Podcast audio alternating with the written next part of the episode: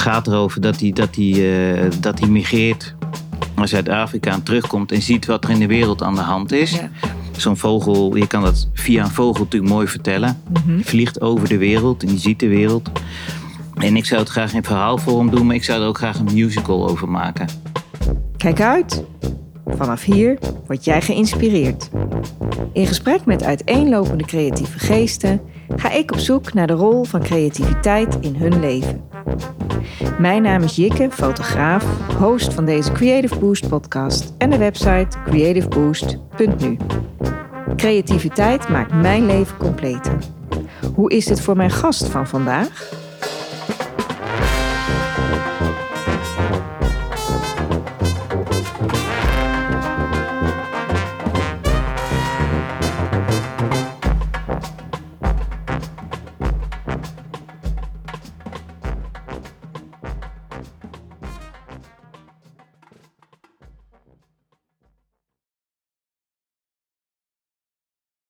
Met uitzicht op de Loenense hei zit ik bij mijn gast van vandaag. In een sfeervol creatief wit huis midden in het bos aan tafel bij Jaap van der Born. Kunstenaar en stem van het bos. Jaap, wij kennen elkaar via Dimitri, mijn man. Jullie groeiden samen op en zijn nog altijd vrienden. En wij kunnen het ook best goed met elkaar vinden en lekker Best lachen. goed. ja, zeker. Zeker, Jikke. Eh, voor seizoen 1 wilde ik jou al te gast hebben in mijn podcast. Maar zo'n druk bezet man heeft nu de tijd in seizoen 3. Dus ik ben blij. de plek waar je woont, Jaap, voelt als een jas, denk ik, of niet? Ja, Ja. dit omschrijf je mooi. Ja, inderdaad, als een jas. Het, is, het, is, het voelt inderdaad als een jas, dat klopt. Als een, eh, ik voel me als een boom met de wortels in de grond hier. Mijn roots liggen hier helemaal. Ja, En dit is, eh, dit is mijn ding. Het Ja. wonen hier, het leven, het werken. zeg Ja. jouw plek. Ja, helemaal mijn plek. En samen met je vrouw Lonneke. eh, Ja. Lon die, eh, die, heeft, eh, ja, die heeft het weliswaar al, al, al, al 16 jaar met me uitgehouden hier. Dat vind ik heel knap. Want af en toe dan, dan wil ze wel gillend wegrennen. Omdat er weer geen warm water is. En het is koud. En er staan weer allerlei mensen met lekke banden aan de deur. Want we hebben hier geen faciliteiten. Het huisje staat ehm, ongeveer eh, zes kilometer van het dorp. En er loopt geen enkele leiding naartoe. Dus we hebben eh, zelf een waterput, waar water uit ontginnen. Telefoon is mobiel. We koken en douchen op een gasflesje. En we verwarmen het huis met hout. ja. Maar het is ja, naar de moderne begrippen wel een beetje primitief. Hm. Ja. En alle lof voor Lonneke dat ze dat volhoudt hoor. Moet ik zeggen. Want het valt soms niet mee, dat is waar. En Dat jij gaat hier niet meer weg, hè? Ik ga hier niet meer weg. Ik heb altijd gezegd als ik hier weg moet is het tussen zes plankjes. Ja. Maar eh, dit is, ik ben helemaal in mijn element hier. Ja. En Ja. voor jou woonden hier twee broers. ja, voor mij woonden hier de gebroeders van Ark. Die heb ik heel goed gekend, want eh, die werkten voor mijn vader. Mijn vader die was boswachter in de inbos. En daar had hij een eh, ploeg bosarbeiders aan het werk. En daar werkten die jongens van Ark. Eh, later alleen nog maar Jaap van Ark. Omdat eh, Moe van Ark, die, die bleef alleen achter. Nadat pa van Ark overleed. Toen bleef Wouter bij huis. En was alleen Jaap er. Dus Jaap die ken ik helemaal heel erg goed. Ja. En die leefde, Jaap en Wouter, die leefden hier eigenlijk zoals je leeft in eind 1800. Ja. De koeien stonden op deel en eh, eh, er hing een schouw met een, eh, ja, met een open vuur. Daar hebben ze later een kacheltje onder gezet. Heel klein woonkamertje. Twintig katten op de deel. En een hond in een klein hokje. Ja. Dat, naar de begrippen van nu is dat natuurlijk is dat, is dat, een beetje zielig. Maar goed, die mensen leefden echt zoals je in 1800 leeft. Heel bijzonder om te zien. ja. En Voor hun denk ik genoeg. Voor hun meer dan genoeg. En het waren hele eerlijke, eh, eh, eh, betrouwbare mensen. Hm. Heel zuiver en heel puur. En ja, dat, dat kom je niet meer tegen. Dat kom je niet meer tegen. En Wouter, de laatste, die overleed, ik denk midden jaren negentig. En toen heeft dit huis vijf jaar stil, ja, stil, stil ja, leeg gestaan. En op een gegeven moment ja, kwam iedereen erachter. De ruiten werden ingegooid. De regen had vrij spel. Ja. Het werd heel slecht. Het stond op instorten. En in die tijd eh, verliet mijn vader Natuurmonumenten. Die ging met pensioen. Mhm. Toen kon hij een ander huis eh, kopen, ook dicht bij het dorp Laagsoeren. En ik wou het bos niet uit. Dus Nee. ze zaten eigenlijk een beetje met Jaapie. En ze zaten ook met dit huis. En toen vroegen ze van, eh goh Jaap, wil je niet in dat huis van de gebroeders van Ark? Ja. Nou, dat vond ik niet erg. Nee, Dus geen ik, eh, probleem. ik kon hier gaan wonen. Maar het was eigenlijk, ja, eigenlijk moest ik vanaf de grond opnieuw beginnen. Ja. De vier muren heb ik laten staan. Maar eh, het, was, het was helemaal, ja, ze noemen wel eens iets een kot. Het was echt een kot. Het was Ja. helemaal zwart van binnen, verrot. Ach. De gebinten waren rot, alles was helemaal, helemaal vergaan. Dus ik ben inderdaad opnieuw begonnen, maar ik had geen, eh, geen nagel om mijn kont te krabben, zeggen ze wel eens. Want in die tijd eh, ging mijn toenmalige vriendin en ik uit elkaar. Ja. En eh, ja, ik had geen centen. Dus ik heb alles, eh, alles wat in en aan het huis zit, heb ik schoongemaakt, gerecycled en daar weer opnieuw mee gebouwd. Wauw. Mooi. En eh, ja, je kan door de microfoon het niet zien, maar het is, eh, het is, het is redelijk stijlvol gelukt, moet ik zeggen. Zeker. Ja, Ja. Ik heb er even over gedaan. Het heeft een jaar of tien geduurd voordat het weer eh, op een huis leek. Maar eh, ja, het is, eh, het is woonbaar nou. Zeker. en Zelfs, voor. Lonneke. Ja, precies. Ja. Ja, je bent dus, zoals je al zei, geboren en getogen in het bos. Vader Weigert, boswachter dus. Moeder Truus, soort opperhoofd van het gezin met Ja. vier kinderen. Klopt. Want je hebt nog ehm, een broer en twee zussen. Twee zussen, ja.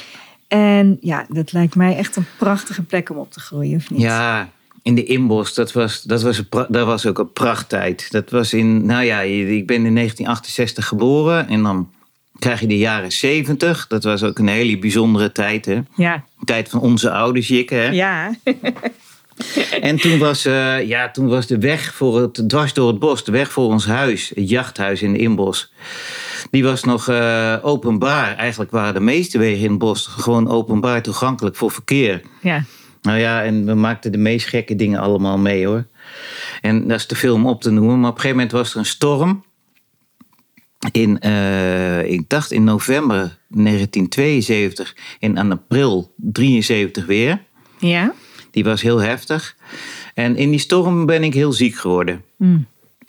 En het was, eh, het was zo heftig dat op een gegeven moment eh, de berkenbomen van 30 centimeter gewoon een aantal meters door de lucht heen vlogen. Zo. En in die storm moest ik naar het ziekenhuis. Ambulance door het bos. In de ambulance kon niet meer komen. Oh, die kon helemaal niet komen. Defensie is nog gebeld toen midden in die storm. Een helikopter, dat zat er ook niet in. En toen is mijn vader met de jachtopzichter eh, gaan rijden. Mijn vader in de auto, de jachtopzichter voorop met de motorzaag. Mhm. Mijn opa heeft vanuit Eerbeek een zaagploeg opgesteld. En die zijn elkaar tegemoet gereden. En die hebben elkaar Zo. een weg door de storm heen gezaagd. Ja. Windkracht 12 was het toen. Ja, het was Oh. ongekend. Ja. Maar ik moest naar het ziekenhuis. Ik was aan het uitdrogen. Het ging, ging helemaal niet goed. Ik ging of dood of, ze, of naar het ziekenhuis. Een van de En twee. dan maar door de storm. Dan maar door de storm. Dus die kerels, en dat, daar ben ik nog iedere dag heel dankbaar voor. En dan zie je hoe belangrijk goed buurtschap is. Mhm. Die kerels hebben hun leven ja, wel eh, in de waarschaal gelegd eh, om mij naar het ziekenhuis te krijgen. Ja. En uiteindelijk, mijn vader vertelde, het in, eh, in die woedende storm, eh dan reed ze onder een dikke beuk door. Zagen ze een tak weg en dan reed hij snel met de Volkswagen Kever toen nog. Ja. Daaronder door en dan bams, daarna viel zo'n beuk gewoon op de grond. Ja. En verder ging het weer. En op een gegeven moment, heel in de verte, zagen ze lampjes. Ben ik uit die auto gedragen. Over bomen is mijn vader heen geklauterd met mij in zijn armen. Heeft me in de, ook in de Volkswagen Kever van opa Rozenboom gelegd. En die hebben me ja, onder begeleiding van die eh, zaagploeg toen naar het ziekenhuis gebracht. Dus Jeetje. dat was wel een bijzonder verhaal. Heel bijzonder. Ja, Ja. ja. En die storm die heeft hier in de inbos ontzettend zwaar geboet. Want eh, daarna moest mijn vader de balans opmaken. Een aantal kubieke meters hout. En toen kwam Ja. hij bij zijn baas en hij zei, dat is, niet, dat is niet te doen. Dat zijn er duizenden. Ja. Nou, Van de Borren, tel nog maar eens opnieuw. Want eh, dat, want in den landen werd er balans opgemaakt. Dus een collega ging mee en ze kwamen terug en die zei, het is, dit is niet te doen. Honderd, honderdduizenden kubus hout die er Zo. plat liggen. Ja. Het is je dat er, aan, hè? Ja, net alsof er een mes door het bos is gegaan. En ehm, Toen kwamen de Noren. Dat was ook een verhaal op zich. De vikingen kwamen voor de tweede maal. die hadden Want? toen. Die hadden bosbouwgereedschap wat wij helemaal nog niet kenden. Enorme machines met hele Ah. grote wielen en lieren en eh, veel grotere motorzagen. Ja. Prachtvolk. Daar hebben we ook hele mooie avonturen met meegemaakt. Oh, wat goed. Ja, was geweldig. Maar die kwamen voor dat hout.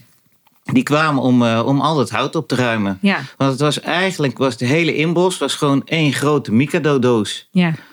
Allemaal bomen die kriskras over elkaar lagen. Alle paden waren versperd. Ja, En ja, dat was gewoon met, met de middelen die wij hadden, was dat niet te doen. nee. Was niet te doen. Dus die mannen die kwamen, maar dat, eh, ja, dat waren van die vrijgevochten types. Hadden, ik weet nog, je had de Moon Brothers. En die kwamen in een oude Amerikaanse sheriffwagen aan. Achterin eh, lagen de motorzagen en daarachter hadden ze weer gitaren. Een grote cowboyhoed erop, arriveerden ze. Oh, En die zetten een soort wigwam op. Ja, Nou, toen kwam er een ander aan. Die had een, eh, een of andere grote vrachtwagen. En dat mannetje was, ik ben niet zo groot, maar dat mannetje was bijna nog kleiner dan ik, maar twee keer zo breed. Ivar Hurk heette die. En die moest altijd het, eh, het hout transporteren.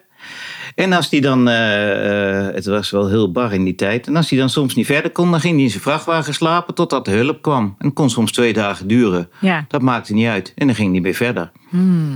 Nou, en zo hadden we Hmm. Weet alle... je dat ook nog goed? Ja, ik was Zelf? kind en Ja. ik spe- we speelden met die kinderen. Dat Ja. was eh, tijdens de la, ja, na de kleuters, lage, begin lagere schooltijd was dat. Ja, En eh, we konden natuurlijk, die kinderen konden geen woord Nederlands en wij geen woord Noors. Maar op de een of andere manier als kind gaat het heel goed. ja.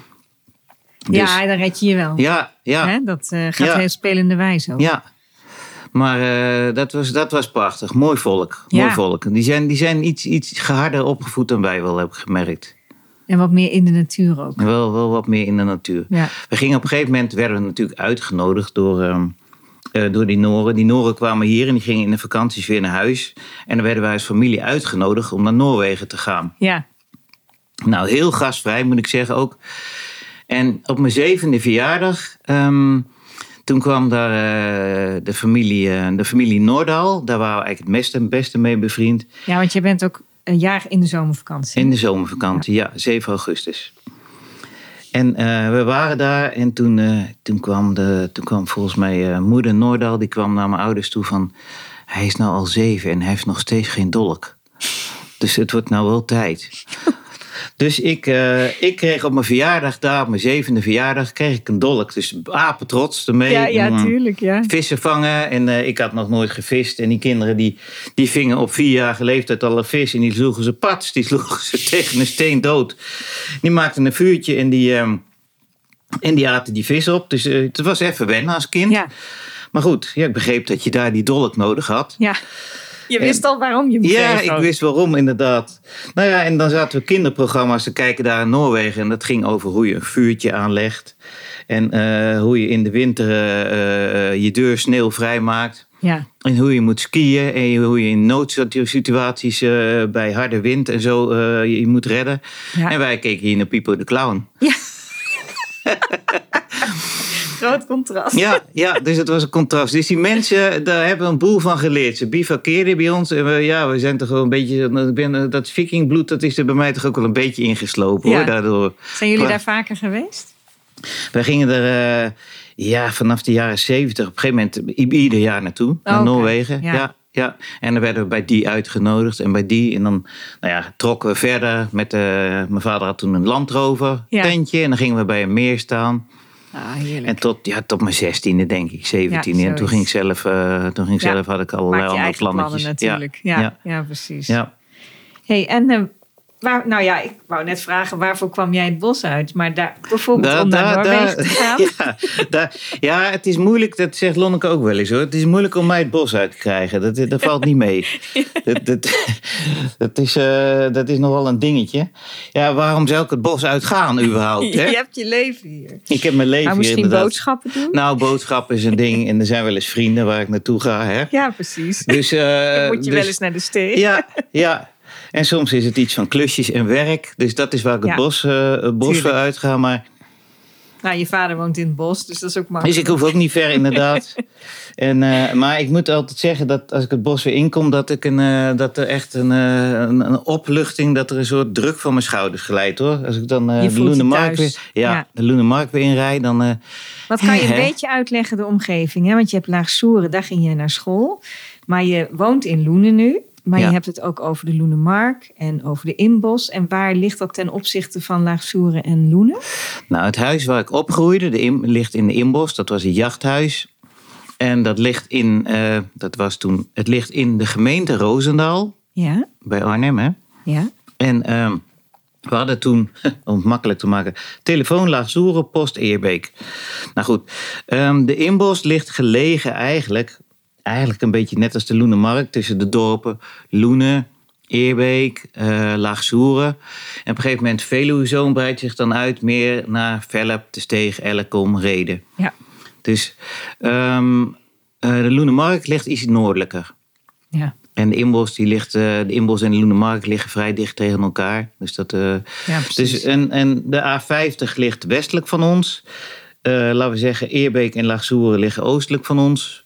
Apeldoorn noordelijk, Arnhem zuidelijk. Dat is ongeveer de dat is ligging. ongeveer. Ja. Dat is de ligging van... eh, Nou, voor mensen die het hier niet eh, nee, kennen. die het hier niet kennen. Ja. Ja, En, maar jij kent het bos op, het op je duimpje, denk ik. hè? ja ik, ken, eh, ik ken ongeveer iedere meter. Ja. Ja, Ja. ja. En nou, je had dus de lagere school, volgde je in, In in. Laagsoeren. Ja, Ehm, daar maakte je natuurlijk vrienden die niet Ja. in het bos woonden. Maar ik kan me voorstellen dat zij maar wat graag bij jou wilden spelen. ja, dat was altijd wel een feest. Ja, Dat, we hadden zo'n grote landrover en mijn moeder, dat mensen het reden wat af. hoor. Dan moest ze ons 's ochtends naar school brengen.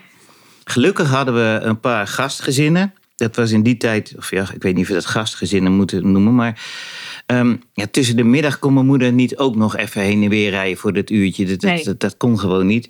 Dus we hadden een aantal gezinnen in Laagsoeren waar we tussen de middag aten. Maar om kwart over drie ging de school uit. Ja. En haalde mijn moeder ons weer op. Dan zat die hele landrover, die zat stampvol met kinderen. Die zat gewoon, die, die- de deur moest soms open blijven. Mijn moeder vond het ook altijd prima. En ehm, sommigen die wilden alleen meerijden, die mochten dan meerijden. Maar er bleven er ook een heel aantal bleven hangen. En die, eh, nou, als die niet uitstappen, gingen die gewoon mee het bos in. ja, En eh, die speelden dan bij ons. ja. En eh, ja, heerlijk. Sommigen die, die geen idee. Goh, die is er ook en die is er ook. En dat, daar speelden we dan mee. Zo, Ja, zo ging dat eigenlijk. Oh, en, ehm, en de enige waar ik, moet ik je ook zeggen, dat is niet omdat jij het bent, Jikke, maar de enige waar ik dan ook graag speelde in het dorp, dat was bij Dimitri. ja, Maar verder wou ik altijd graag naar huis en kwamen de vriendjes mee. ja. Maar bij Dimitri thuis was het eh, ja, eigenlijk net zo ongeregeld zootje als bij ons. dus daar voelde me ontzettend thuis. En Ja. ja. ja, daarom zijn we denk ik nog steeds goede vrienden. Ja, Ja, dat, daar heb ik hele goede herinneringen aan. oh mooi. Ja, prachtig. Ja, prachtig kunstenaarsgezin. eh. Ja, prachtig. Henk en Marga, geweldig. En nou ja, het was dus geen eenzaam leven in het bos, dat is duidelijk. Nee, in tegenstelling tot wat mensen Ja. vaak denken. Hè? Ja, precies. Het is dus helemaal niet eenzaam. Mensen vragen wel eens van, goh, ben je niet alleen hier? Ik denk wel eens van, man, het is blij als ik even, even, even, even, even alleen alleen kan wat zijn. kan doen hier. Want Ja. het is, eh, ja, de, Veel het is zoete ook. veel zoete inval. En ehm, ja, het is op het moment is het, is het niet zo goed weer, maar het is best heel druk met recreanten. Ja, Ik eh, was net, eh, voordat je kwam, ik denk, laat, ik even douchen. Dat...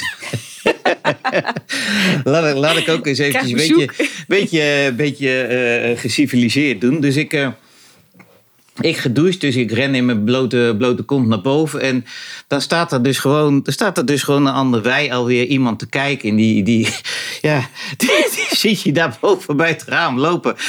Dus ik denk dat je midden in de stad meer privacy hebt dan Ja. hier nog waarschijnlijk. nou ja, jij, jij zit hier ook aan een route, dat moet ik misschien even uitleggen, waar veel mountainbikers langskomen, wandelaars. Ja.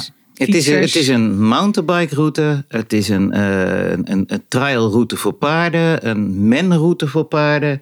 Het is een, eh, ehm, eh, hoe noem je dat ook weer? Knooppuntroute is het. Ja, Ehm, ik geloof dat ik uitgerekend had dat, het, dat deze ene weg, dat er zeven routes over gaan. zo. Ja. ja, want jij woont echt best wel diep in het bos, want elke keer denk je, oh ja, ik moet nog een stukje rijden, Ja, nog een stukje ja. rijden. Zit ik nou wel goed? Ja, Dimitri zegt altijd, de konijnen gaan terug, zo Ja, ver woont hij. Ja, precies. Ja. Maar eh, dat, ehm, ja, ik weet niet. Het, is een gek idee dat het hier dan ook nog heel druk kan zijn. Maar Ja, het is wel zo. Dat is zo. Dat, dat en is heel wel... veel mensen kennen dit huis ook. Heel veel mensen kennen het, Ja. ja, dat klopt. En dat is, ik denk dat, ehm, dat de corona daar een beetje aan bijgedragen heeft. Want mensen konden natuurlijk geen kant op. En Ja, ja, dat zal. ja, wat, wat, wat doe je? Ik zou het zelf ook doen. Dan ga je het bos in. Ja, Dus, dus men recreëerde zich te barsten tijdens die corona. ja, En daar is wel wat van blijven hangen. Een gedeelte, het was daarvoor rustiger. ja, Een gedeelte daarvan is, eh, is blijven hangen. Het is, wel, het is wel een stuk minder geworden. Maar ehm, ook, eh, ook eh, ja, de routes, de routes zijn, zijn, zijn beter geworden. En Ja. ehm, eh, er, wordt meer, er wordt meer aangeboden door natuurorganisaties.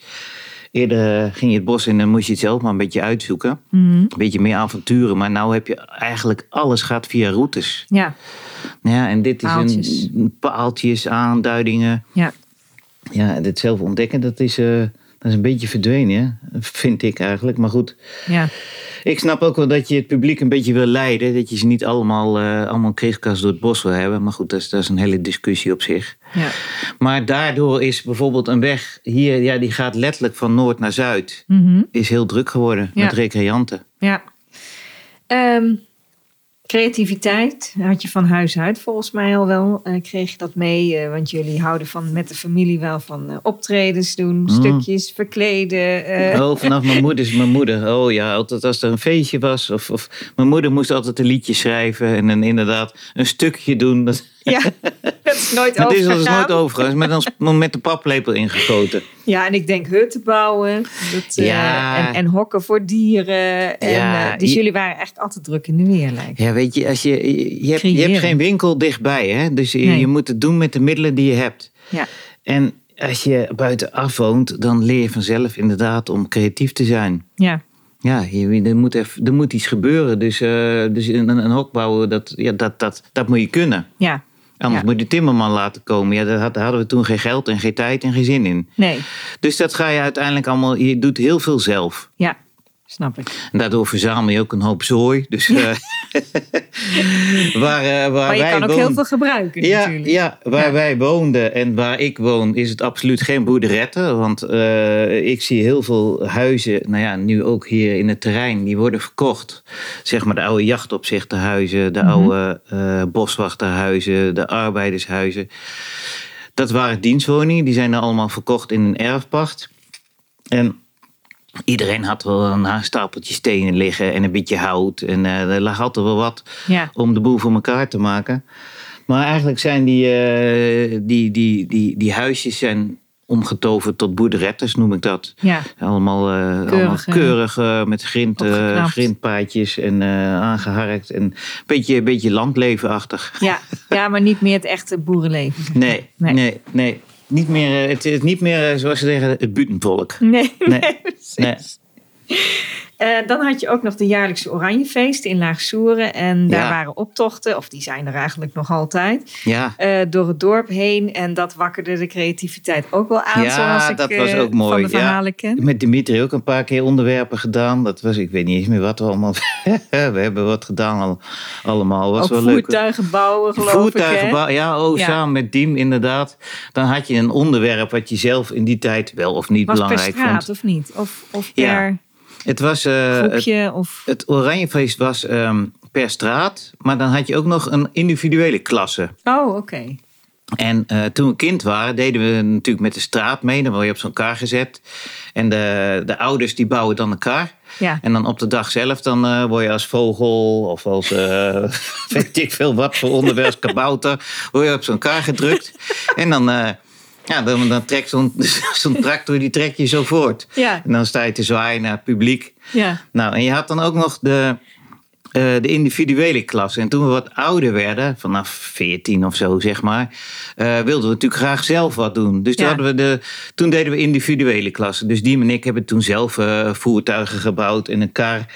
Ik moet je eerlijk zeggen dat ik de onderwerpen niet meer weet hoor. Nee, maakt niet uit. Ik ben een keer ook het monster van Logsoeren geweest en zo. En, en ik, Ja. weet, ik weet niet waarom, maar een of andere rare kabouter. Ja, dat ben ik nog steeds. Maar hele gekke onderwerpen, maar heel veel lol gehad. Ja, heel nou, veel gaat het om, toch? Ja, heel veel lol En gehad. veel plezier en veel Ja. bouw, ja, bouw voorpret ook. Ja, ja dat bouw het is, het is eigenlijk net als een beetje als carnaval. Hè? Ja. Dat, is, dat, dat, dat hadden we ja, heel, heel kleinschalig misschien in Laagsoeren vroeger een paar keer gehad. Maar het zit hier natuurlijk niet zo. Nee, Maar dat Oranjefeest was voor ons groots. Dat was groots. Dat was, eh, ja. ja. Dus dat, eh, ja, dat was erg leuk. ja, precies.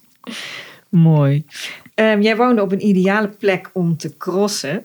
Ja, Dus dat begon al jong en daar, zelfs daar, daar bijna... spreken mensen me nu nog wel eens op aan, inderdaad. Van jij, natuurliefhebber enzovoort. Ja, weet je, Ja, maar toen was je jong. dat En, klopt. Ja, weet je, je bent ook aan het ontdekken. Het is een andere tijd. Zeker, Laten we zeker. dat niet vergeten. Want ja, ik ben nu 55 en ehm, eh, ik, ik, man, mijn eerste brommetje, die, de reek op toen ik negen was, geloof ik. Ja, En er zat bij ons ehm, naast het huis stond een, een werkschuur met, eh, met, met, met bosarbeiders. En dat was, nou ja, ik had het net over die Noren. Die waren helemaal ruig, maar die Nederlandse bosarbeiders, dat waren ook geen watjes. nee. En dat waren ook crossers. En, eh, en, en die kwamen met oude auto's. En, en eh, op een gegeven moment was een van die bosarbeiders had een oude brommer. En eh, dat was wel wat voor Jaapie. Ja, Nou ja, dat vind je als kind natuurlijk prachtig. dus ja, dus dan scheur je een beetje op zo'n bromfiets door het bos rond. Maar ja, dan spreek je wel over, over, over eh, 45 jaar gele- langer geleden. ja, hè? precies. Ja. De tijden waren toen wel anders. Nou ja, dan heb je een brommetje en dan wil je op een gegeven moment een, eh, een, een andere brommer. Op een gegeven moment een crossmotor. Nou ja, en toen ik een echte crossmotor had, toen begreep ik, dan moet ik wel op een officiële baan gaan rijden. Want dat, is- dat Ja, is haast een beetje, eh, beetje te gek. ja. Maar Maar jij wou toen een eh, politieke partij beginnen. ja, hè? dat was ook nog. Hadden vanuit de, dat ja. vond Dimitri zeer interessant. ja, dat hè? vond hij, vond, hij ook, vond hij ook mooi inderdaad. Was, eh, was, wat, wat was een van de programmapunten? Ja, een van de programmapunten was volgens mij dat, dat, dat, dat, ik weet niet meer, dat iedereen een crosser moest hebben. Of de motocrossen eh, onder, de, volgens mij, onder de 15 legaal werd. Ik, we hadden allerlei hele fantastische programmapunten. Ja, mooi toch? Dat, Ja, dat, dat- dat hoort bij de hè? leeftijd. Dat, Dat is was- toch fantastisch? We waren een jaar of tien, denk ik. We Ja. toen, jaar- dat was leuk, want eh, de Jan Lichthart in Laagsoeren, die had wel, wel creatieve dingen hoor. En ja, toen, toen mochten we allemaal politieke partijen op gaan richten. En eh, in een of andere manier werd ik tot partijleider gekozen. Ik heb geen idee hoe ze daar nou bij kwamen om, dat, om, om dat aan te doen. Maar Oh ja, goed, dat aan te doen. ja. Maar goed, we hadden samen met Dimitri hebben een aantal partijpunten opgesteld. Ook, het mooie is, toen ook al natuur. Want Ja. we waren wel, wel pro-natuur, maar we waren ook pro-crossen. Ja, Maar zo zie je dat alles dus samen kan. Ja. Dus dat, niet, eh, dat je niet of-of hoeft. Dat, dat er heel veel, eh, heel veel samen mogelijk is. en eh, als je nu een politieke partij zou hebben, wat zou dan nu een van jouw programmapunten zijn? Ja, nu, nu zou een van de belangrijke punten zijn natuurlijk... nat- ja, het belangrijke punt zou nou natuur zijn. Natuurbehoud. Ja, natuurbehoud. Ja. Ja, natuur, di- biodiversiteit. Nou ja, alles wat daar maar aan vasthangt. Ja, Ehm, nou, daar Zien- komen we ook nog wel even ja, terug. Zo. ja houden, houden wat we hebben, jongens. En, en eh, wees Ja. er zuinig op. Ja. Nou, dat hè. Dat. vooral. Eh, na de lagere school ging je naar de IVO-MAVO in Oosterbeek. Hm. Ehm, had je hier ook een bepaalde Heb je huiswerk wel goed gedaan, Jikke? Ja, ik wel. Ja, zeker. echt. Ehm, had je ook een bepaalde mate van creativiteit in je lessen? Was dat... Ja. Ja? Oké. Ja, daar was, daar was bij de IVO-school echt ruimte voor. Mijn ouders hebben ook specifiek gezocht Mhm. daarna. En ehm, we zijn een, een, een, blauwe maandag op de, op de vrije school geweest. eh, heel lang geleden, ook als, als, eh, als kinderen. Toen zaten we op dat, volgens mij was ik toen, ja, ik denk nog jonger. Ik denk een jaar of zeven, acht. De vrije school in Zutphen. Mhm. Maar eh, daar was de, eh, de leraar waar ik bij in de klas kwam nog heel erg conservatief. Mm. En eh, ik vertelde je straks dat ik ziek werd in die storm. Ja. En dat kwam omdat ik bijnierinsufficiëntie heb. Dat is een heel ingewikkeld verhaal, maar daarvoor moet ik medicijnen slikken. Ja. En ehm, die leraar destijds, die was, eh, ja, dat is goed recht. Die was, ik vind het conservatief, maar eh, die vond dat er voor mij geen ruimte op de vrije school was, omdat ik medicijnen slikte. Oké. Dus dat was toen. Dat Ja. was toen. En Ja. dat was één leraar. Er is binnen de school ook een hele grote discussie later over geweest. Mhm. Maar mijn ouders hebben me daar toen weer van afgehaald. Ja. Want ehm, na de lagere school was het plan eh, vrije school op het middelbaar niveau. Maar dat, Mhm. dat hebben we niet gedaan. En daardoor werd het IVO-school Ja, in Oosterbeek. Maar IVO-school Oosterbeek bood wel heel veel ruimte aan eh, je, je individuele ik en, en creativiteit. mooi. Heel Ja. goed. Ja, ja, fijne school. Het heeft ook wat te maken met Montessori, of niet? Nu. Ja, ik, ik moet je eerlijk zeggen ik. dat ik, dat, ik, dat ik de les heb gehad, maar nooit in verdiept in de achtergrond was. Nou ik hoop dat mijn ouders dat wel hebben gedaan, maar het heeft me wel ten dele gevormd. Want eh, er was daar ook de, eh, eh, de lerares van, ehm, dan ben ik even het woord kwijt, hand, ja, niet handenarbeid, maar iets mooier woord dan handenarbeid. Laten we zeggen handenarbeid. Ja, Die, eh, die zei eigenlijk van, goh Jaap, zou je niet de creatieve kant op gaan? Mm. Want eigenlijk was natuurlijk de bedoeling dat ik net als mijn vader en mijn opa de bosbouw in zou gaan. ja. Maar ik zag toen al van eh, als je natuur wil beschermen, dan moet je niet de bosbouw ingaan volgens mij. Een beetje flauw, maar eh, het was ook, je staat of aan de motorzaag of je zit achter het kantoor, achter een bureau. Nou, dat is sowieso niet echt wat voor En jou. dat is helemaal niet wat voor mij, maar de hele dag aan de motorzaag staan, dan kan ik mijn ei ook niet kwijt. Nee. En toen zei zij van, god, de creatieve kant, dat is, is dat niet wat om naar te kijken? Ze moest mijn familie gezien? even, ja, vooral mijn, mijn, mijn, mijn grootouders even aan wennen. Ja, Mijn ouders die vonden dat vrij oké, en dus ik ben eigenlijk die route ingeslagen. ja. Mooi. Dat Zo heb je dat. goed gedaan. Ja, zo is dat gekomen. Ja, want jij ging daarna naar de kunstacademie in Enschede. Ja, En eh, wist je, maar oh ja, dus ik wou eigenlijk vragen, wist je al jaren dat je daarheen wilde, maar dat groeide dus het eigenlijk groeide, want op de na middelbare. de, ja, na de IVO-school ehm wou ik wel creatief, maar ja, waar ga je dan naartoe? Want eh, ik, had, ik had geen HAVO, ik had alleen maar, die IVO-school kun je alleen maar MAVO doen. Ja, en HAVO heb je officieel nodig voor heb je nodig de voor kunstacademie. even kunstacademie. Ja. Dus ehm, nou ja, leren had ik eigenlijk geen bal zin in op dat moment. Mm. Dus ehm, ja, maar ja, wat dan? Ja, heel creatief. En ja, kunstacademie dacht ik nog niet over na. Toen kwam ik de grafische school in Zutphen terecht. Ja. Oh ja, die de- heb je er nog tussen gedaan. die heb ik tussendoor gedaan. Ja. En via de grafische school kwam ik op de DEVA, eh, school voor eh, kunst en illustratie. Dat was op middelbaar niveau. Ja. In Almelo, de enige in Nederland was dat toen. Oké. En ehm we hebben nog extra eh, eh, specificaties, illustratie gedaan enzovoort. Nog een extra, eh, extra jaar. Mhm. Dus ik, ik had een goede map. En Ja. ehm, daarna ben ik aangenomen op de kunstacademie in, in Enschede. Mooi. Welke afdeling? Uiteindelijk, ja, iedereen en ik zelf dacht ook illustratie en schilderen. Ja. En het werd uiteindelijk beeldhouden. Heel Oh. bijzonder. Oké. Dus ehm, ja, tekenen ging me altijd al vrij goed af. En toen op een gegeven moment, ehm, tijdens het eerste jaar, zei ze: Ja, maar tekenen. Ja, wat, wat, wat, wat moet je nou nog tekenen? Ik zeg: Ja, ik wil graag veel leren, technisch. En ja, dat, dat, dat, dat wisten ze eigenlijk ook niet meer. Wat, eh, want ik kon al goed tekenen. Dus Ja. of ik niet beeldhouden wou doen. Dus zo is Ja. een beetje gegaan. Ja, een beetje bijzonder. Ja, precies. Wat was dat uiteindelijk dan wel jouw plek? Ja, het was, nou, dat was, het, was, het was wel mooi om, om, eh, om, om eigenlijk ja, eh, 3D bezig te zijn. Mhm. Maar dat tekenen is er nooit uitgegaan. Is erbij gebleven en, en is uiteindelijk heeft toch wel weer eh, een beetje eh, is met, wel mijn, mijn core business. Dat is wel Ja. eigenlijk het, het meest wat ik het, eh, Waar je roots hetgeen wat ik het meest doe. Ja, waar mijn roots Ik liggen. denk ook waar jij het meeste bij ontspant en het meeste jezelf bij voelt. Ja, ja. Dan moet ik zeggen dat, eh, ja, dat, dat beelden maken 3D. Ik heb onlangs eh, drie paarden gemaakt voor eh, de paardenkamp in Soest, het rusthuis. Ja. Daar heeft Dimitri ook nog eh, bij geassisteerd. Mhm. Dank Dimitri daarvoor nog. en eh, nou ja, in, misschien heb je het ook gezien, Laagsoer, het, het insectenhotel. Ja, Dus nou ja, voor landbouw maak ik dingen 3D, allerlei, allerlei dieren van polyester. Dus dat vind ik ook, dat vind ik ook leuk om te doen. Ja. Maar, maar ja, eigenlijk inderdaad, dat tekenen, dat is, eh, dat is de, ja, in, in, de, in kunstlijnen de rode draad. ja, precies. Ja. Ehm, een eindexamenproject van jou was een motorzaag op ware grootte gemaakt van spekjes. ja, klopt. Spekje, snoepgoed. Nou, dat moet er lekker uitgezien Ja, hebben. dat, moet, dat, dat trok een hoop mensen Ja, aan, dat inderdaad. snap ik ja, een hoop vliegen en een hoop mensen. Ja, ja.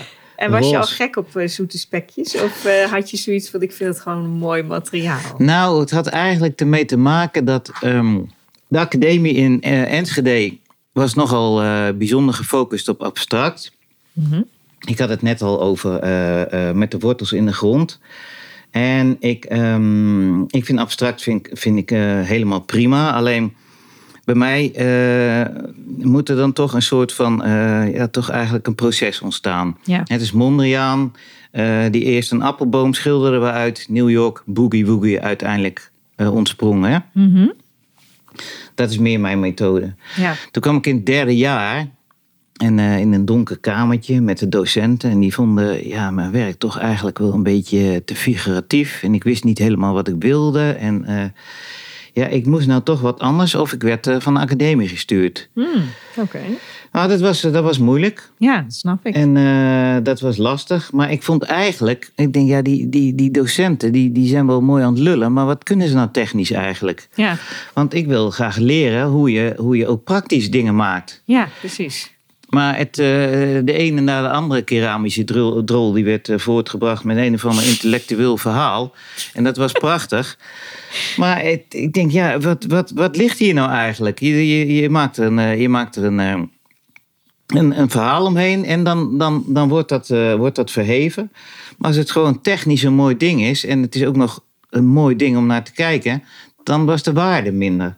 Ja, ik snap helemaal wat je Ja. bedoelt. Ja.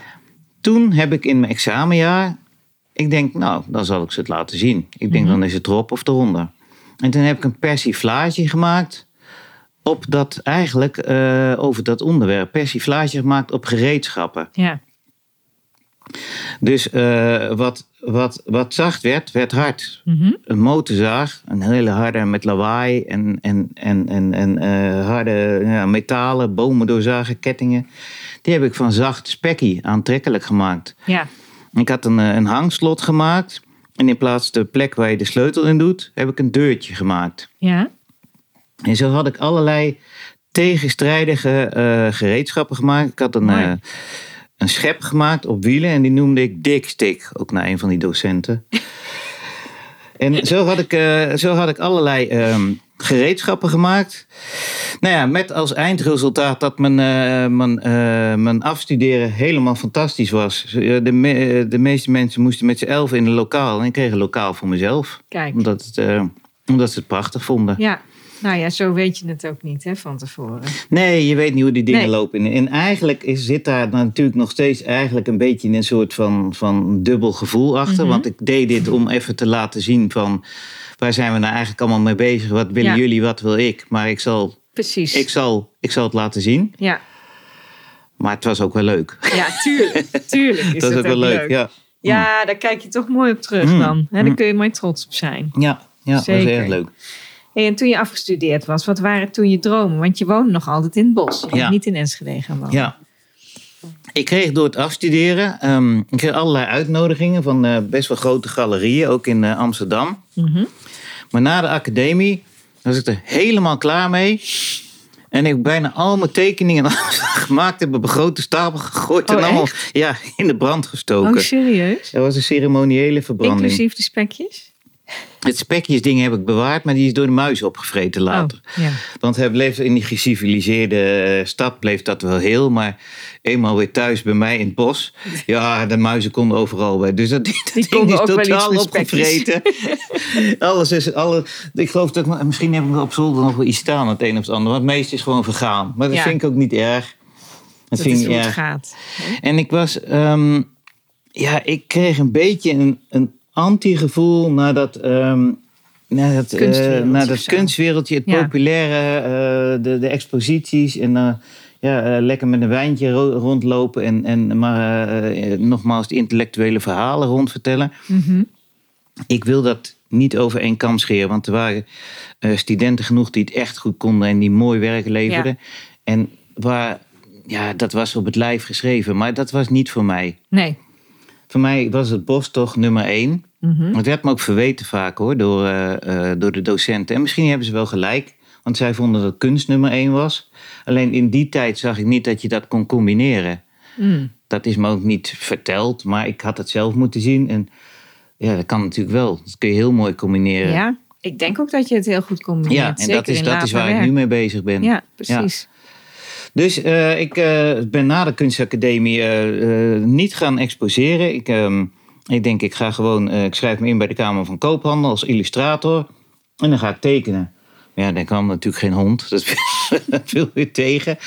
Dus ik had eh, weinig centen. Ik ben eh, bij een schildersbedrijf gaan werken. En daarnaast maakte ik wel tekeningen hoor, in opdracht.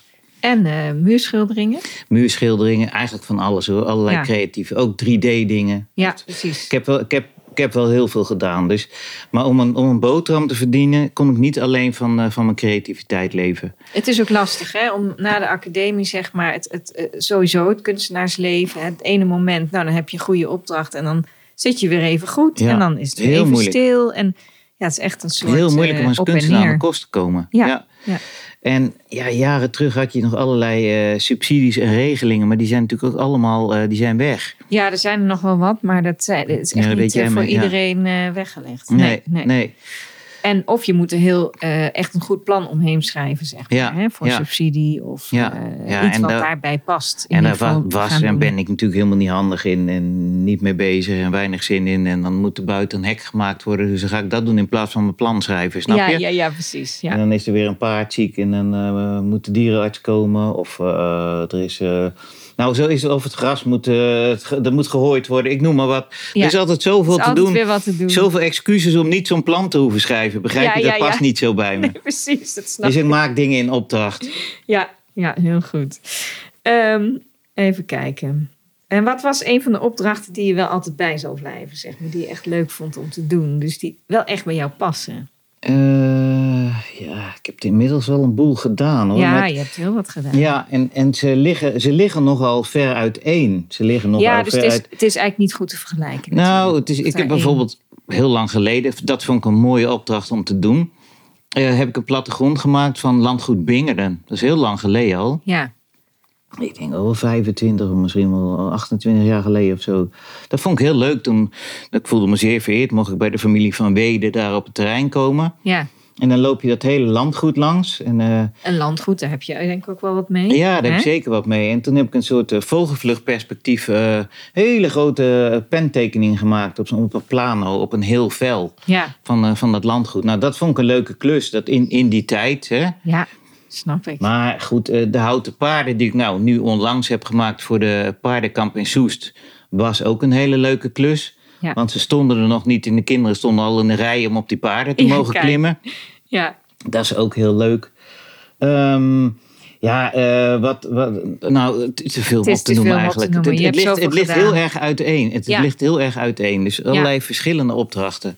en wat zou je nog heel graag willen doen? Ehm, nou, wat ik nog heel graag zou willen doen is een, ehm, ehm, een, een, een, een verhaal maken. Ik ben er al mee bezig. Mhm. Een verhaal over, eh, over een vogel eh, die hier woont. En die eh, uiteindelijk gaat migreren naar Zuid-Afrika. En dan tegenkomt wat er in de wereld allemaal aan de hand is. Ja, Hij groeit hier op, hier in dit leventje. En hij denkt van, goh, jeetje, dat, eh, dat gaat eigenlijk best goed. Het allergevaarlijkste wat hij ooit is tegengekomen, is, eh, tegen is even gekomen. in de microfoon een beetje. Oh, sorry. Sorry, ik zei even in de microfoon. Ja, ik zit naar buiten. hoor, Ik zit even te kijken, even- even naar de paarden. Die paarden leiden me weer af. Het, eh, het, eh, ik zat te kijken of die er niet rondvloog, toevallig, maar hij is er nu niet. Het allergevaarlijkste wat die vogel ooit tegenkwam, dat was de boomvalk hier. Nou ja, dat, eh, dat heeft hij overleefd. Dus. En dan op een gegeven moment, het is even een klein stukje over het verhaal, over Ja, wat ik ja, aan heel schrijven wil. ja. Hetgeen ik graag nog wil doen. Ja, En, ehm, ja want eh, mijn Bowie, mijn oudste zoon, die heeft stage bij jou gelopen. En ik vroeg nog aan hem van, heb jij een vraag voor Jaap? En toen zei hij dus, als je alle tijd voor een creatief onderdeel zou hebben of een creatief project, wat zou dat dan zijn? Maar ik denk dat dat dan dat is dit, dit. is, hè? Dat is ja. dit. Ja, dat is het verhaal verder. van die vogel. Ja, En ik zou dat verhaal, eh nou ja, het gaat erover dat hij, dat hij, eh, dat hij migreert naar Zuid-Afrika en terugkomt en ziet wat er in de wereld aan de hand is. ja. Zo'n vogel, je kan dat via een vogel natuurlijk mooi vertellen. Die vliegt over de wereld en die ziet de wereld. En ik zou het graag in verhaalvorm doen, maar ik zou er ook graag een musical over maken. ja. En aansluitend daarop zelfs nog een soort eh, ja, stichting, organisatie, geef het een naam, goede doelenbeweging om mensen eh, van adviezen te voorzien. En eh, ja, hoe noem je dat ook weer? Ja, eh, te vertellen wat er allemaal is. Eh, ja. Maar wat er ook speelt, wat jij belangrijk vindt ja, hè, in het milieu, Ja. eh, wat er gebeurt, wat jij om je heen beleeft hier. Nou, dat, ja, nou je kan het beter vertellen dan ik eigenlijk. In de- dat is, de- precies, dat is hetgeen wat, wat ik graag uit zou willen dragen. En dat is makkelijker via een verhaal dan via Mhm. je eigen persoon. Ja. Maar jij wil zelf, of tenminste, je, je zet je het zelf het verhaal uiteen, zeg maar. Ehm, en dan zou je willen kijken van, hey, hoe kunnen we dit uitbeelden, met wie? Eh, dus dat, dat wordt er wel een project met meerdere mensen. Het is, het, ik, zoals, ik, het- zoals ik het in mijn gedachten heb, is het eigenlijk een enorm project. Ja. Want het, het begint met een verhaal. Mhm. Het wordt natuurlijk een verhaal. Dan kun je zeggen, we beginnen met een boek en dan krijg je de illustraties. Ja.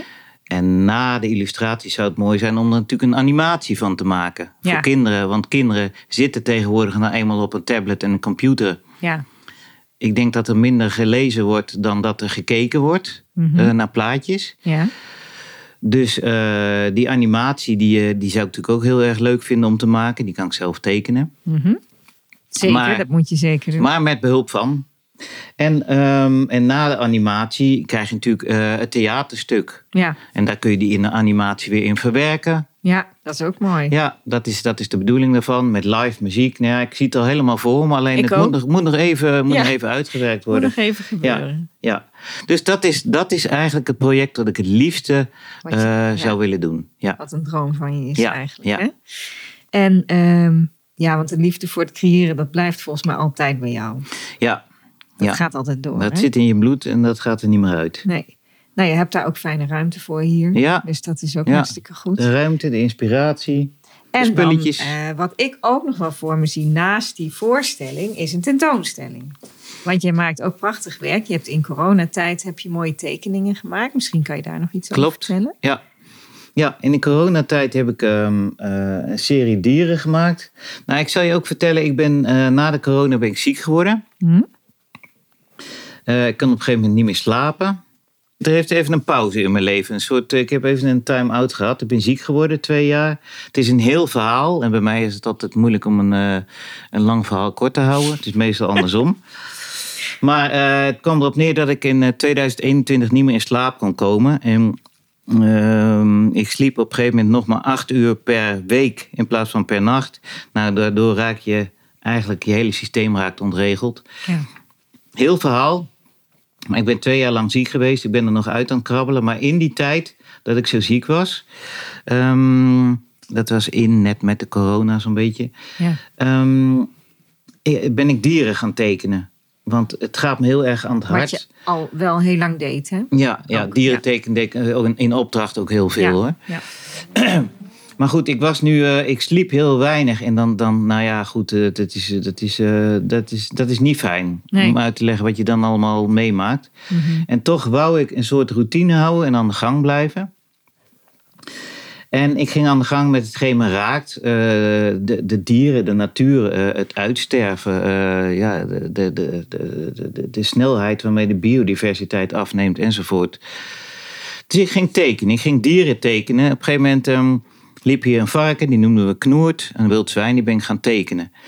En zo ben ik een adder, een wild zwijn, een damhert, een vos, een, een, een, een, een reiger. Een, nou ja, noem maar een hele serie dieren. En ook meer bekende dieren voor jou die hier Ja. in het bos leven. Ja, gaan Ja. tekenen.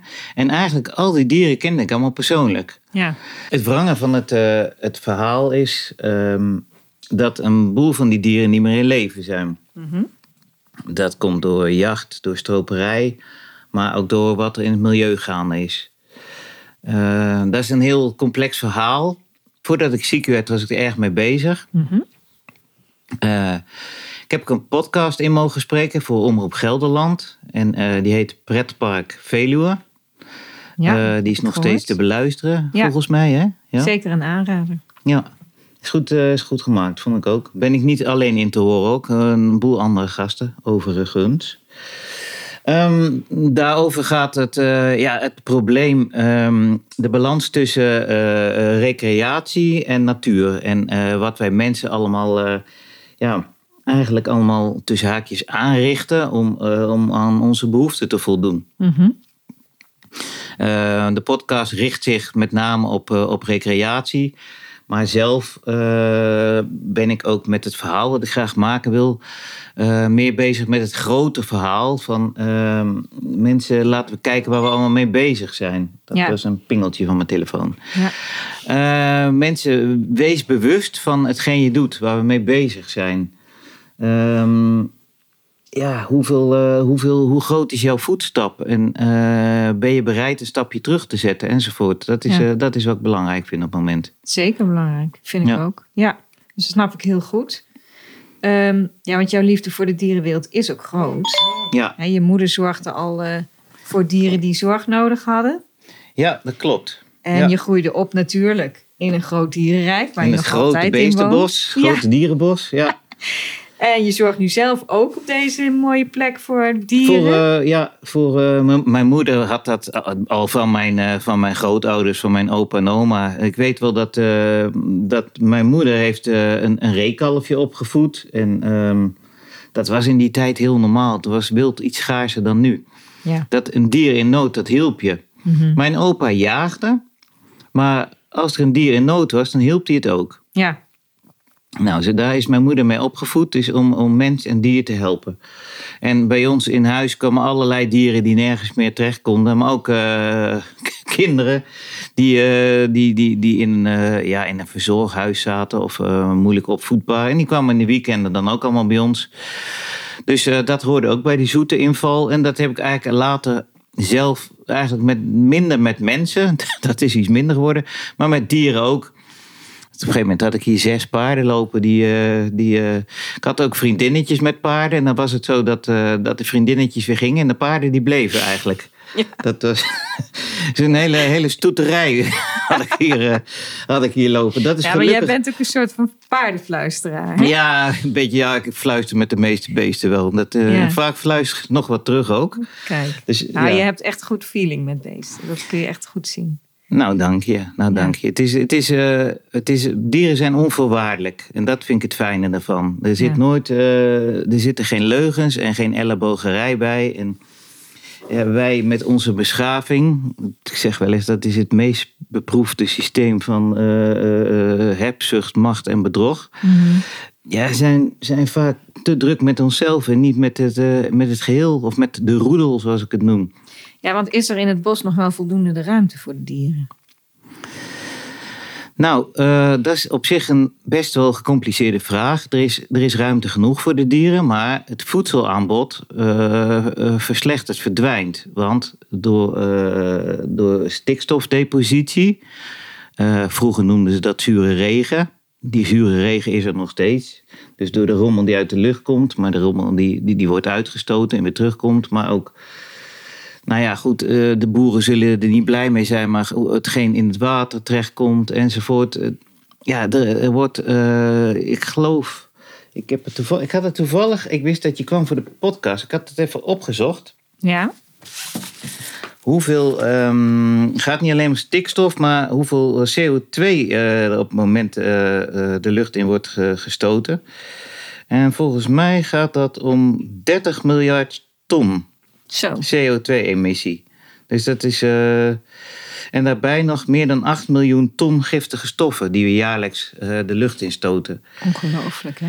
En ja, dat kan niet anders dat, dan dat de bodem daar last van heeft. De Mhm. vegetatie, de bomen en op, eh, in, hun, in hun lijn ook de dieren weer. Dus, Ja. dus de insecten die verdwijnen, de vogels die daar de gevolgen van hebben, et cetera, et cetera. Ja, dus de vraag van is er nog voldoende ruimte eh, voor de dieren in het bos? De ruimte is er wel, maar eh, het voedselaanbod is klein. Hm. Daarbij hebben we ook eh, ontbossing. Ik geloof dat er, ik, ik geloof ook 9 miljoen hectare bos per jaar verdwijnt in de wereld. Bizar. Dus het gaat ontzettend hard. Het gaat te hard. En dat, ja, daarmee, daarmee snijden we onszelf natuurlijk in de vingers. Want Mhm. We kunnen onszelf niet meer voorzien van voedsel als we, als we die natuur eh, maar gewoon eh, ja, laten verdwijnen. Ja. Dus dat is iets wat me, ja, waar ik wel mee, wel mee bezig ben en wat me bezighoudt en wat ik graag op een toch positieve manier naar buiten wil brengen.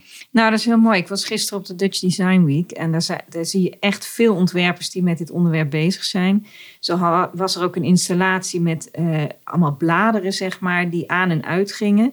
En dat was de snelheid waarmee, waarmee er bomen gekapt werden met zoveel vierkante meter, zeg maar. Nou, het was Oh, echt, als je daarnaar kijkt, dan denk je, dat kan, hoe kan dat überhaupt, zeg maar. Prachtig aangegeven, maar Dus dat hadden ze verschrikkelijk. heel mooi gedaan. Ja. Mooi gedaan, maar... het- Mooi gedaan, maar het- het verschrikkelijk inderdaad. verschrikkelijk, Ja, maar ja. op een mooie manier weergegeven, laat ik het zo zeggen.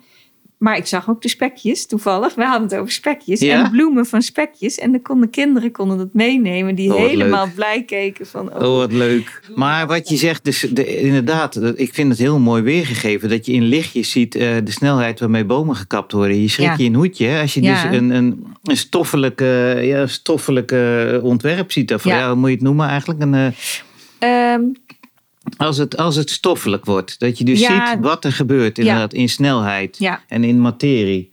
ja, en- onvoorstelbaar. Het is onvoorstelbaar. Ja, en dat, je gelooft het eigenlijk bijna niet. Ja, en dat gaat zo hard. En mensen vragen wel eens van, van ja, eh, wat denk je? Wat denk je? Hoe, hoe, hoe ver is het voor 12?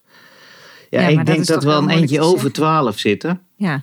Dat denk ik wel. Maar ik ga niet eh, negatief doen en bij de pakken neerzitten. Maar voor jouw kleinkinderen is het natuurlijk wel eh, van groot belang dat wij nu, nu wel eh, eens eventjes wat gaan doen. Dat Ja. wij een paar stappen terug gaan Zeker. nemen en maatregelen. ja. Dus Ja. ik hoop dat mensen dat beseffen. Mhm. En heb jij dan ook het boswachtersgevoel in je van je vader? Of zit er toch echt wel verschil in tussen jullie?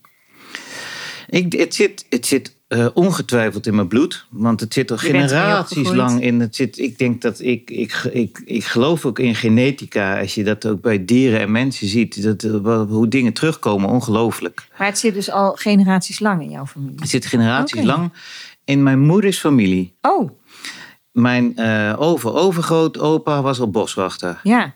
En, eh, mijn en je moeder viel op een boswachter. En, eh, nou, ik zal je vertellen. eh, mijn opa was boswachter. Mijn moeder de dochter daarvan. En Ja. mijn vader, dat is even leuk om te vertellen. Mijn vader die was de jongste schaapherder in Nederland. Die begon op zijn zeventiende in het Gooi. Hij was een busum geboren. Ja? Daar had hij een kudde. En hij nam op zijn negentiende hier de kudde in de Loenemark over. Het was een heel arm bestaan in die tijd. Daar kon je amper van leven. Mm. Hij leefde van het brood soms, wat mensen voor de schapen gaven. Hij dronk water. Oh, Het echt? was een heel arm bestaan. Maar wat gebeurt er? Eh, de dochter van meneer Rozenboom, mijn opa, die valt op die arme schaapherder. Ja. En dat was natuurlijk helemaal niet de bedoeling, want Oh, de Rozenboom kwam uit een, een houtvestersfamilie. dus eh, daar is alles aan gedaan om, eh, om die twee uit elkaar te houden. Maar. Eh, niet te doen. dus niet te doen, een, eh, een, een, eh, een lang verhaal kort. Mijn vader en mijn moeder zijn getrouwd, daar zijn wij uit voortgekomen. En ehm, waar hadden we nou eigenlijk? Waar, waar Maar dat vind ik wel grappig. Dat was niet de bedoeling. Maar zij kwam wel uit een boswachtersfamilie. Dus dan hadden Oh, ze ja. daar ook respect voor moeten hebben, toch? Ja, zij kwam uit de boswachtersfamilie, dus, eh, maar dat had te maken met klassen. Mijn, mijn, mijn eigenlijk, nou, Heb je daar ook niveaus in, in boswachters? Nou, niet in boswachters, maar eh, de familie van mijn moeders kant, dat, die, die, die voelde zich nogal, nogal aangenaam, laat ik het zo zeggen. Hmm. Waren, voelde zich nogal aangenaam. Mijn vader kwam uit een middenstandersfamilie, ook prima. Ja. Maar Oh, dat is even de hond, de Deus. Die heeft vloog- even daar iets te vloog de- vermelden. De, boomvalk. Oh, er moet even op gereageerd.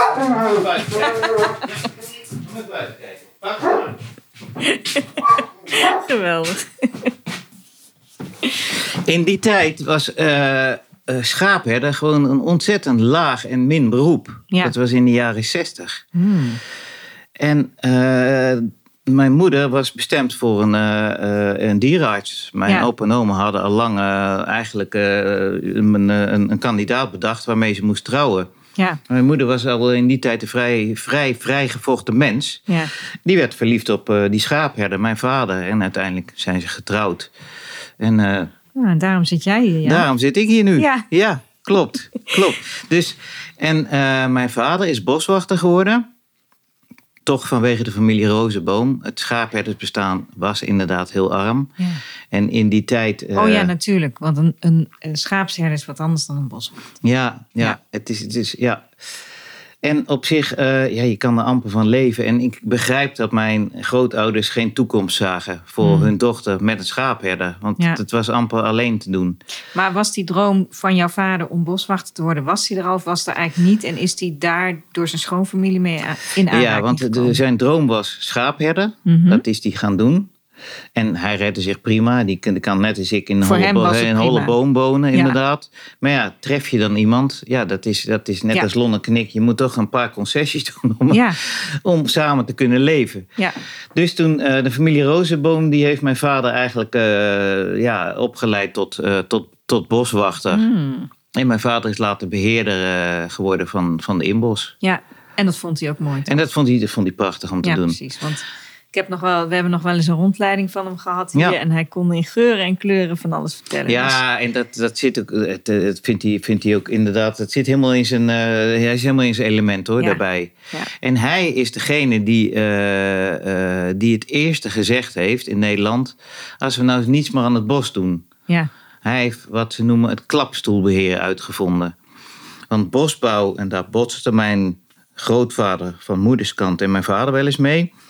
Bosbouw was natuurlijk eh, productiebossen creëren. ja. En dan uiteindelijk eh, omzagen en weer nieuw planten. Mm. Dat is eigenlijk een beetje, hier en daar blijft er wel staan. Ja. Maar dat was eigenlijk een beetje ja, de, de, de lijn zoals eh, de bosbouw in die tijd was. ja. Na die storm van 72, 73, toen zei mijn vader van... als we nou eens gewoon een stuk laten liggen en helemaal niets eraan doen. Mhm. Nou, dat was, dat was, die, dat Not was done. not done. Dat Ja. was ook bij natuurmonumenten waar hij werkte aan de top, not done. En bij mijn opa was het not done. Hij heeft toch stiekem een stukje laten liggen, een aantal hectare. ja. Het is het mooiste stukje bos nu wat, eh, wat er in de hele omgeving te zien is. Prachtig. Ja. Dat is een beetje oerbos aan het worden. Ja. Ja. mooi. Ja, Dus daar heeft hij goed aan gedaan. ja dat, en later is het, eh, is het overgenomen. Ja. En is het ook gewaardeerd? En is het zeker gewaardeerd hoor. Toen werd hij ontzettend gewaardeerd. Het, is, het heeft geloof ik twintig jaar geduurd of zo. Maar daarna is, het, eh, ja, is, dat, eh, is dat ontsproten en overgenomen door, door, door de directie. Zijn er ook, oh man, televisie kwam erbij enzovoort enzovoort. Het oerbos. Alleen, jammer is dat, eh, dat het heel moeilijk is om er... eh, merk ik nu om er af te blijven door, eh, door de huidige, eh, ja, de huidige beheerders. beheerders. Ja. Jammer. Ja, ja. Dus Maar ik, hoop, ik, hoop dat, eh, ik hoop dat het, eh, dat het plan zich toch een beetje voort kan eh, zetten. Dat is zeker te hopen. Ja. Ja. Ehm, zie jij hier wel eens hele bijzondere bier- dieren? Wacht even, die zeg ik even opnieuw. Een hele Ehm, bijzondere bieren zie ik ja, ook wel eens op tafel. ja, het ligt er Ja, als je wat langer over. blijft jikken, dan kunnen we dat op tafel zetten. Maar zie je hier wel eens bijzondere dieren? Ja. Ja, je ziet, ja, we zien hier ook wel eens bijzondere dieren, inderdaad. We zien wel, wel steeds meer vogels waarvan ik ook echt niet weet wat voor soort het is. Ik- Dat is letterlijk een vreemde vogel, maar Ja. eh, de, de, de migratie van vogels, maar ja, dat is, dat is wel bekend. Die, die, heeft zich, die is een beetje veranderd in de loop der jaren. Ja. Toen ik hier bijvoorbeeld, dat was wel grappig, toen ik hier net kwam wonen, 23 jaar geleden, zagen we nooit ganzen. Nou komen er heel veel ganzen overvliegen, dus die, die, die trek enzovoort. Maar ook, ook soorten, dan zit er een vogel van, ik denk, ja, het lijkt wel een, een of ander tropisch beestje, maar dan is die alweer weg. Ja, Maar- dat kan je niet eh, zo snel opzoeken. Nou ja, en we hebben nieuwe gasten. We hebben de goudjakhals eh, wel gehoord, niet gezien. En eh, ja, natuurlijk de wolf. Ja, En de wolf, daar wordt vast veel naar gevraagd. ja, de wolf wordt veel nagevraagd. En de eerste wolf zat hier al 16 jaar geleden. Hm. Dat wist ik 16 jaar geleden niet. Nee? En ehm, ik loop iedere dag met de hond door het bos, altijd en overal. En op een gegeven moment vond ik Geen dolle. kleine hond, grote Nee, we hond. hebben altijd grote honden. Geen compensatiegedrag, maar altijd grote honden gehad. Omdat die eh, in het asiel, eh, ja, die konden ze eigenlijk nooit kwijt. En hier eh huisruimte zat. Ja, hier mogen ze hun gang gaan. Ja. En wat voor grote, gekke debielen het ook waren. Hier mogen ze lopen en dat worden altijd rustige dieren. Dus dat, Ja. dat geven we dan maar een kans. ja, Dus 16 jaar geleden, toen, eh, toen hadden we Berk, dat was een Anatolische herder, en die begon s'nachts wel eens te janken. Ja, nou ja, zal dat bij dat soort horen? Ik weet het ook niet. Maar, eh, maar toen meenden we ook wel eens gejank terug te horen. Maar Ja. je denkt niet aan een wolf. nee. En eh, we liepen door het bos en dan vond ik wel eens drollen. eh, met botten erin Ja. en haren erin. Ja, de onmiskenbare wolf, wat ik toen nogmaals niet wist. Ja. Eh, grote voetsporen en een keer heb ik ook een dier gezien waarvan ik denk, god, dat lijkt wel een wolf. Ja. Maar verder eigenlijk Niet niet, over bij gehad, niet bij stilgestaan. Een aantal jaren later eh, zijn er een paar schapen gepakt bij de schaapskudde in Loenen. Vroegen ze of mijn hond dat had gedaan, maar die lag netjes hier binnen s'nachts. Ja. Toen bleek dat ook een van de eerste wolven te zijn. En langzamerhand, doordat de Berlijnse muur is gevallen, konden die wolven natuurlijk rustig eh, ja, de grenzen over. Hè? Dus Oh, dat Duitsland, had daar echt mee te maken. dat had daarmee te maken. Ja. En die roedels zijn in Duitsland gesticht, maar op een gegeven moment moeten die jonge wolven moeten een roedel uit. Ja. Ja, dat is heel natuurlijk gedrag. Of je nou paard bent of hert. Je moet als jong dier moet je de roedel uit. Zo Ja. bij mensen. Hè. Je moet op een gegeven moment eh, moet het nest verlaten. Moet je op Precies. eigen benen staan. Dus die zoeken hun weg. En dan zou je als wolf maar bij de Nederlandse grens komen. Ja, dan ben je natuurlijk ook aan de beurt. Ja. Want dan heb je bebouwing. En dan heb je eh, misschien twee weken niet gevreten. En dan kom je in Drenthe. En dan, eh, ja, dan loopt er in één keer zie je daar een wei met schapen. Ja. Ja, dat, dat, dat, is- Dat dat is wel. ook wat. Ja. Dat is ook wat. Nou, mensen vragen dan wel eens van... eh, wat vind je er dan van dat zo'n wolf eh, eh, in één keer al die schapen vermoordt? Nou ja, dat, daar kan ik weinig van zeggen. Want ik kijk niet naar die filmpjes. Ik wil alleen feitelijke dingen weten. Ja. Dus alleen naar bij 12. Die weten feitelijke dingen. En eh, de dingen die ik hier zelf zie en meemaak over de wolf. Mhm. Ook eh, documentaires en eh, met autoriteiten op dat gebied, die wil ik erover spreken. Dus daar heb ik ook mee, mee, mee, mee, mee gesproken, Gepraat. Ja. mee gepraat. Nou, dat, dat is wel een beetje anders dan wat, wat er op internet rondgaat. Dat, Ja. dat komt eigenlijk niet eens in de buurt. Wat ik wel wil zeggen is dat een wolf die weken niet gevreten heeft... en bij met schapen ziet en er meerdere doodmaakt en een voorraad aanlegt. Ja. En dat is, dat is geen onnatuurlijk gedrag, dat is vrij natuurlijk gedrag. Hetgeen wat niet natuurlijk is, dat zijn die schapen. Ja, bijvoorbeeld een Tesselaar, was, eh, die, die hebben wij gefokt. Dat is een of andere ronde bol met wol geworden, Ja. die zich helemaal niet uit de voeten kan maken. En van nature is een schaap net zoiets als een geit. Die moeten op hoogtes, die moeten kunnen springen, die kunnen, die kunnen de wolf ontvluchten. Maar die zit in een weidje, Die kunnen nergens heen. die kunnen nergens heen. En er is ook nog eens geen ram bij. Want Nee. normaal heb je een kudde. Normaal is bijna alle diersoorten hebben 50-50. Dus 50% rammen, 50% schapen. Ja. En de rammen verdedigen de kudde. Maar ja, je begrijpt wat voor Ja. situatie zich daar Mhm. afspeelt. Eh, ik vind het helemaal niet leuk. Want het is natuurlijk het is verschrikkelijk om die schapen vermoord te zien worden enzovoort. Maar heel natuurlijk gedrag van die wolf. Ja. Nou, op een gegeven moment ehm, vindt zo'n wolf een gebied waar hij in kan leven. Ja. Dat is hier, dat is hier op de Veluwe. Ja. Nou, hier zit dus al jaren, dus eigenlijk al 16 jaar wolven. Ja. Ik heb onlangs, eh, ja, dat vond ik wel vrij bijzonder om mee te maken, heb ik een, eh, dat noemen ze een kill gezien. Ja. Een wolf een hert zien pakken. En ik wist niet wat ik zag. Ik heb veel dieren dood zien schieten met een geweer, maar dit was sneller. Ja. Dit was sneller. Hij, eh, ik, zal, ik zal het eventjes, ik zal weer dat, korte, dat lange verhaal kort proberen te houden. Thaddeus en ik, Thaddeus, dat is de hond, liepen hier langs het eh, ras erop. En daar kwam onze groepje damherten tegemoet. Ja. En een van die damherten daarvan, dat noemen ze een spitser, een jong mannetje. Daarvan dacht ik van, nou, dat is niet helemaal een fit ding. Mhm. Die kwamen op ons afgerend, stopten, maar gingen niet terug. Dus ik denk, daar is, Reageerden op jullie. Of. ja, die kwam naar ons toe, maar meestal als eh, herten mensen zien, gaan ze weer terug. Ja, Rennen ze terug. Ja. Maar ze rennen niet terug. Dan Mhm. weet je, er is iets. Er lopen, ik dacht, er lopen waarschijnlijk mensen. Ja. Op hetzelfde moment eh, komt er vanuit die diepte, want ze kwamen uit de diepte, uit een diepe heuvel, komt daar ook een damhert heel hard op ons afgerend. Wat hij normaal niet zo. Wat hij normaal niet zou doen. Maar ik keek nog eens goed, het was ochtends vroeg, dat was geen damhert, dat was een wolf. Die kwam heel hard op ons Even de ogen goed even, even, even schudden met je hoofd. Die kwam heel hard op ons afgerend. Maar op hetzelfde moment dat wij hem zagen en hij ons, schrok hij zich helemaal kapot. Ja. En zei hij nog net geen shit. Liet hij zich vallen. Want hij had misgerekend. Hij zat in de lijn van die herten. En die herten renden naar ons toe. En hij kon door die heuvel had hij geen overzicht. Nee. En wij maakten net iets meer lawaai met de krakende takken. Ja. Op het moment dat hij zag dat wij mens en hond waren, stopte hij onmiddellijk. Oh ja? En op dat moment was ik hem even kwijt. En twee seconden later duikt hij op bij dat groepje herten wat we zagen. Het ging zo snel. Ik vertelde het dus in, eh, in, in ik weet niet hoeveel minuten, maar het ging allemaal in, in binnen 10 seconden. Hij duikt op bij dat groepje herten. Pakt dat slechte hert eh, bij de achterpoot.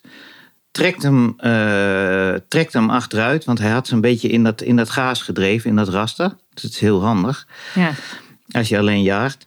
Dus hij trekt hem bij de achterpoot, plakt hem op hetzelfde moment in de nek en ik hoor... En het was klaar. Ja.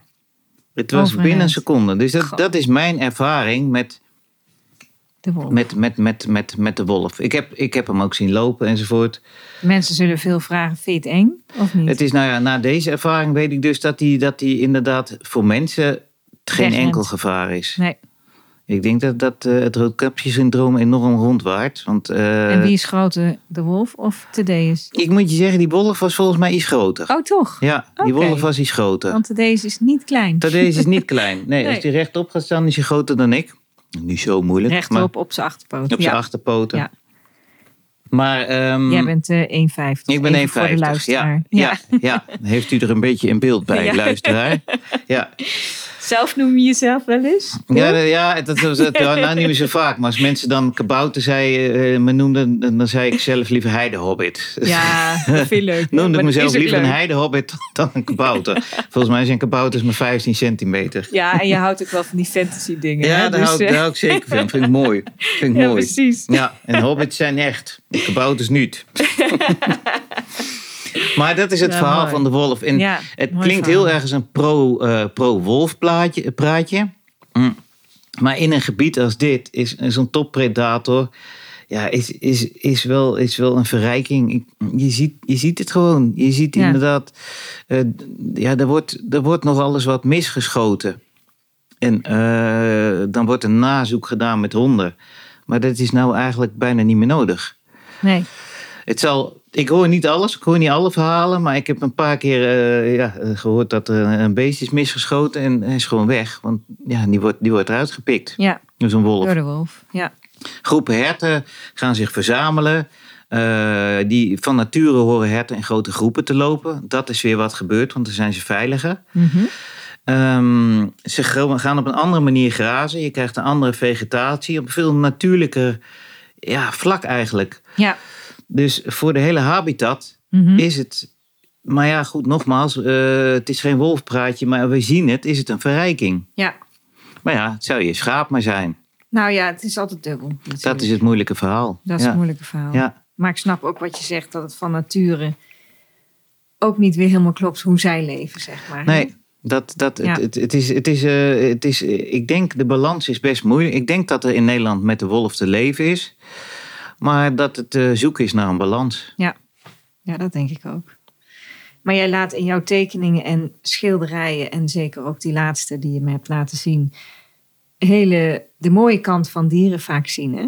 Ja, Ja, de Ja. waardering, de, hoe mooi ze zijn, ja. de kracht. Het, het, Maar inderdaad. ook dit, het, lieve, lieve de- uit de, de- kant. nou ja, inderdaad, zo'n zo'n zo'n eh, knoert, het wilde zwijn wat hier liep, inderdaad. Wilde zwijnen worden, de- in, in de verhalen wordt ook altijd de, de boars, die worden ook als eh, eh, dieren eh, aangeduid die mensen doden. Hè. Het, is, Ja. het is nogal wat, een wild zwijn. Maar ja, hier, eh, hier stond hij iedere dag. Toen, eh, een paar jaar geleden had, eh, toen was er weinig mast. Mast is als er eh, eikels en beukennootjes zijn, maar als dat er Mhm. niet is, hebben de varkens het heel moeilijk. Ja, Er is heel weinig voedsel. En ook wat ik net vertelde over wat er met het milieu aan de gang is, hebben het niet allemaal makkelijk. nee. Dus dan gaan eh, die dieren die gaan eigenlijk de, de bebouwing opzoeken. Ja. gaan naar de randen. Nou, hier staat dan één huisje. Dus Knoert die liep hier iedere dag een beetje te banjeren. Maar dan zie je gewoon in zijn ogen van dat is helemaal, dat is, wat, wat is het nou eigenlijk? Net als een mens, er zit gewoon Ja. een, eh, een emotionele blik in. Ja, ja. ja, Ja, die heb eh, jij mooi gevat. In de Het is een, eh, ja, het is, het is, het is een, een, een, een, een, dier met een ziel. Ja, nou en dat is zo mooi dat je dat laat zien.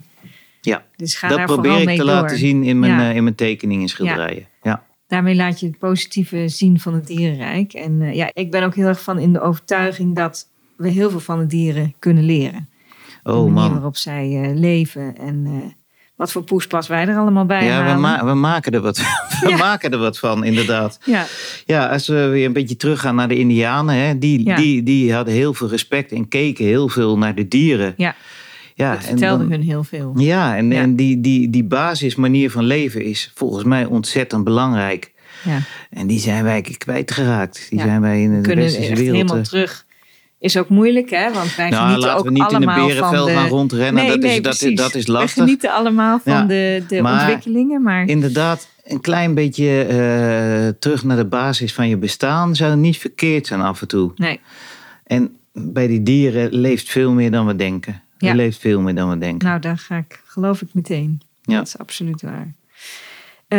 Ja, en humor blijft volgens mij altijd belangrijk, ook voor jou. Ja, Ja, ja. Het is, het is, eh, sinds mijn slaaptekort is, dat, is het af en toe even een beetje, beetje moeilijk te vinden. Maar het, het, het komt weer. Het is, eh, Heel goed. het is weer eh, in, in, in hoe noem je dat? Nou ja, woordkwijtheid ook inderdaad. Ja, Het ontplooit zich weer. Het, Ja, de- de humor ontplooit zich. Ik vind humor heel belangrijk. Inderdaad. Dit was best een serieus gesprek, normaal. eh, eh, maar dat, dat heeft inderdaad ook wel een beetje te maken met slaaptekort. Dan, eh, dan kom je wel in de diepste ja, krochten terecht waar je, waar je Ja. kan zijn. En dan, dan is, is de humor oppakken, dat kost wel weer even energie. Kost wat meer moeite, maar die heb jij van nature absoluut. Ja, dank je. Dank je. En je bent ook een positief mens. Je wil veel doen. Je wil veel andere mensen helpen, heel Ja, graag. graag. En eh, nou, je maakt prachtig werk. Je bent ook Dank je. uniek, vind ik. De plek waar je woont, maar jij zelf ook. Dank En, je, ehm, Jikke. You're too kind. Ja, nee, nee, maar Engels, ik meen het ook echt. Nou, En ik wou ook vooral zeggen, blijf genieten, ja. Van alles wat je doet en de mooie dingen die je maakt. En ik hoop heel erg op een, en ik ga je ermee helpen als je dat wil, een mooie tentoonstelling waar je je mooie werk kan laten zien. Want dat, waardeer, dat, dat verdient het echt. En een mooie voorstelling van Nou, jou. Dank je. Dit Van is, jouw eh, verhaal. Dit is, eh, dit is helemaal, eh, dit is helemaal mijn kopje thee. Heel goed. Your cup of tea. My cup of tea. Wat je nu vertelt. Het, eh, nou, ja, ja, ik kan het zelf niet beter verwoorden. Dus eh, ja, als het zou lukken, zou een droom uitkomen. Nou, zeker, ik, eh, zeker. ik zou je daar heel graag bij helpen. Want Nou. ik vind echt dat het een podium verdient. Dank je wel. Dank je wel. Ja, en jij bedankt voor dit gesprek. Graag het heel gedaan. leuk. En we hebben van alles behandeld, dus eh, dat is super. ja, ja. En eh, blijven, laten we met z'n allen blijven genieten van alle mooie dieren Ja, die er zijn. van het en, mooiste en wat we koesteren En, en inzien wat zij voor ons kunnen betekenen. ja, ja. Laten we houden wat we nog hebben en, en de waarde hè, daarvan inzien. En dat enorm waarderen, inderdaad. ja. Nou, dankjewel Jaap. Jij ook bedankt. En eh doe Dimitri te goed, hè? Dat doe ik zeker. en jij aan Lonneke. Oh ja, tuurlijk. Tuurlijk. Natuurlijk.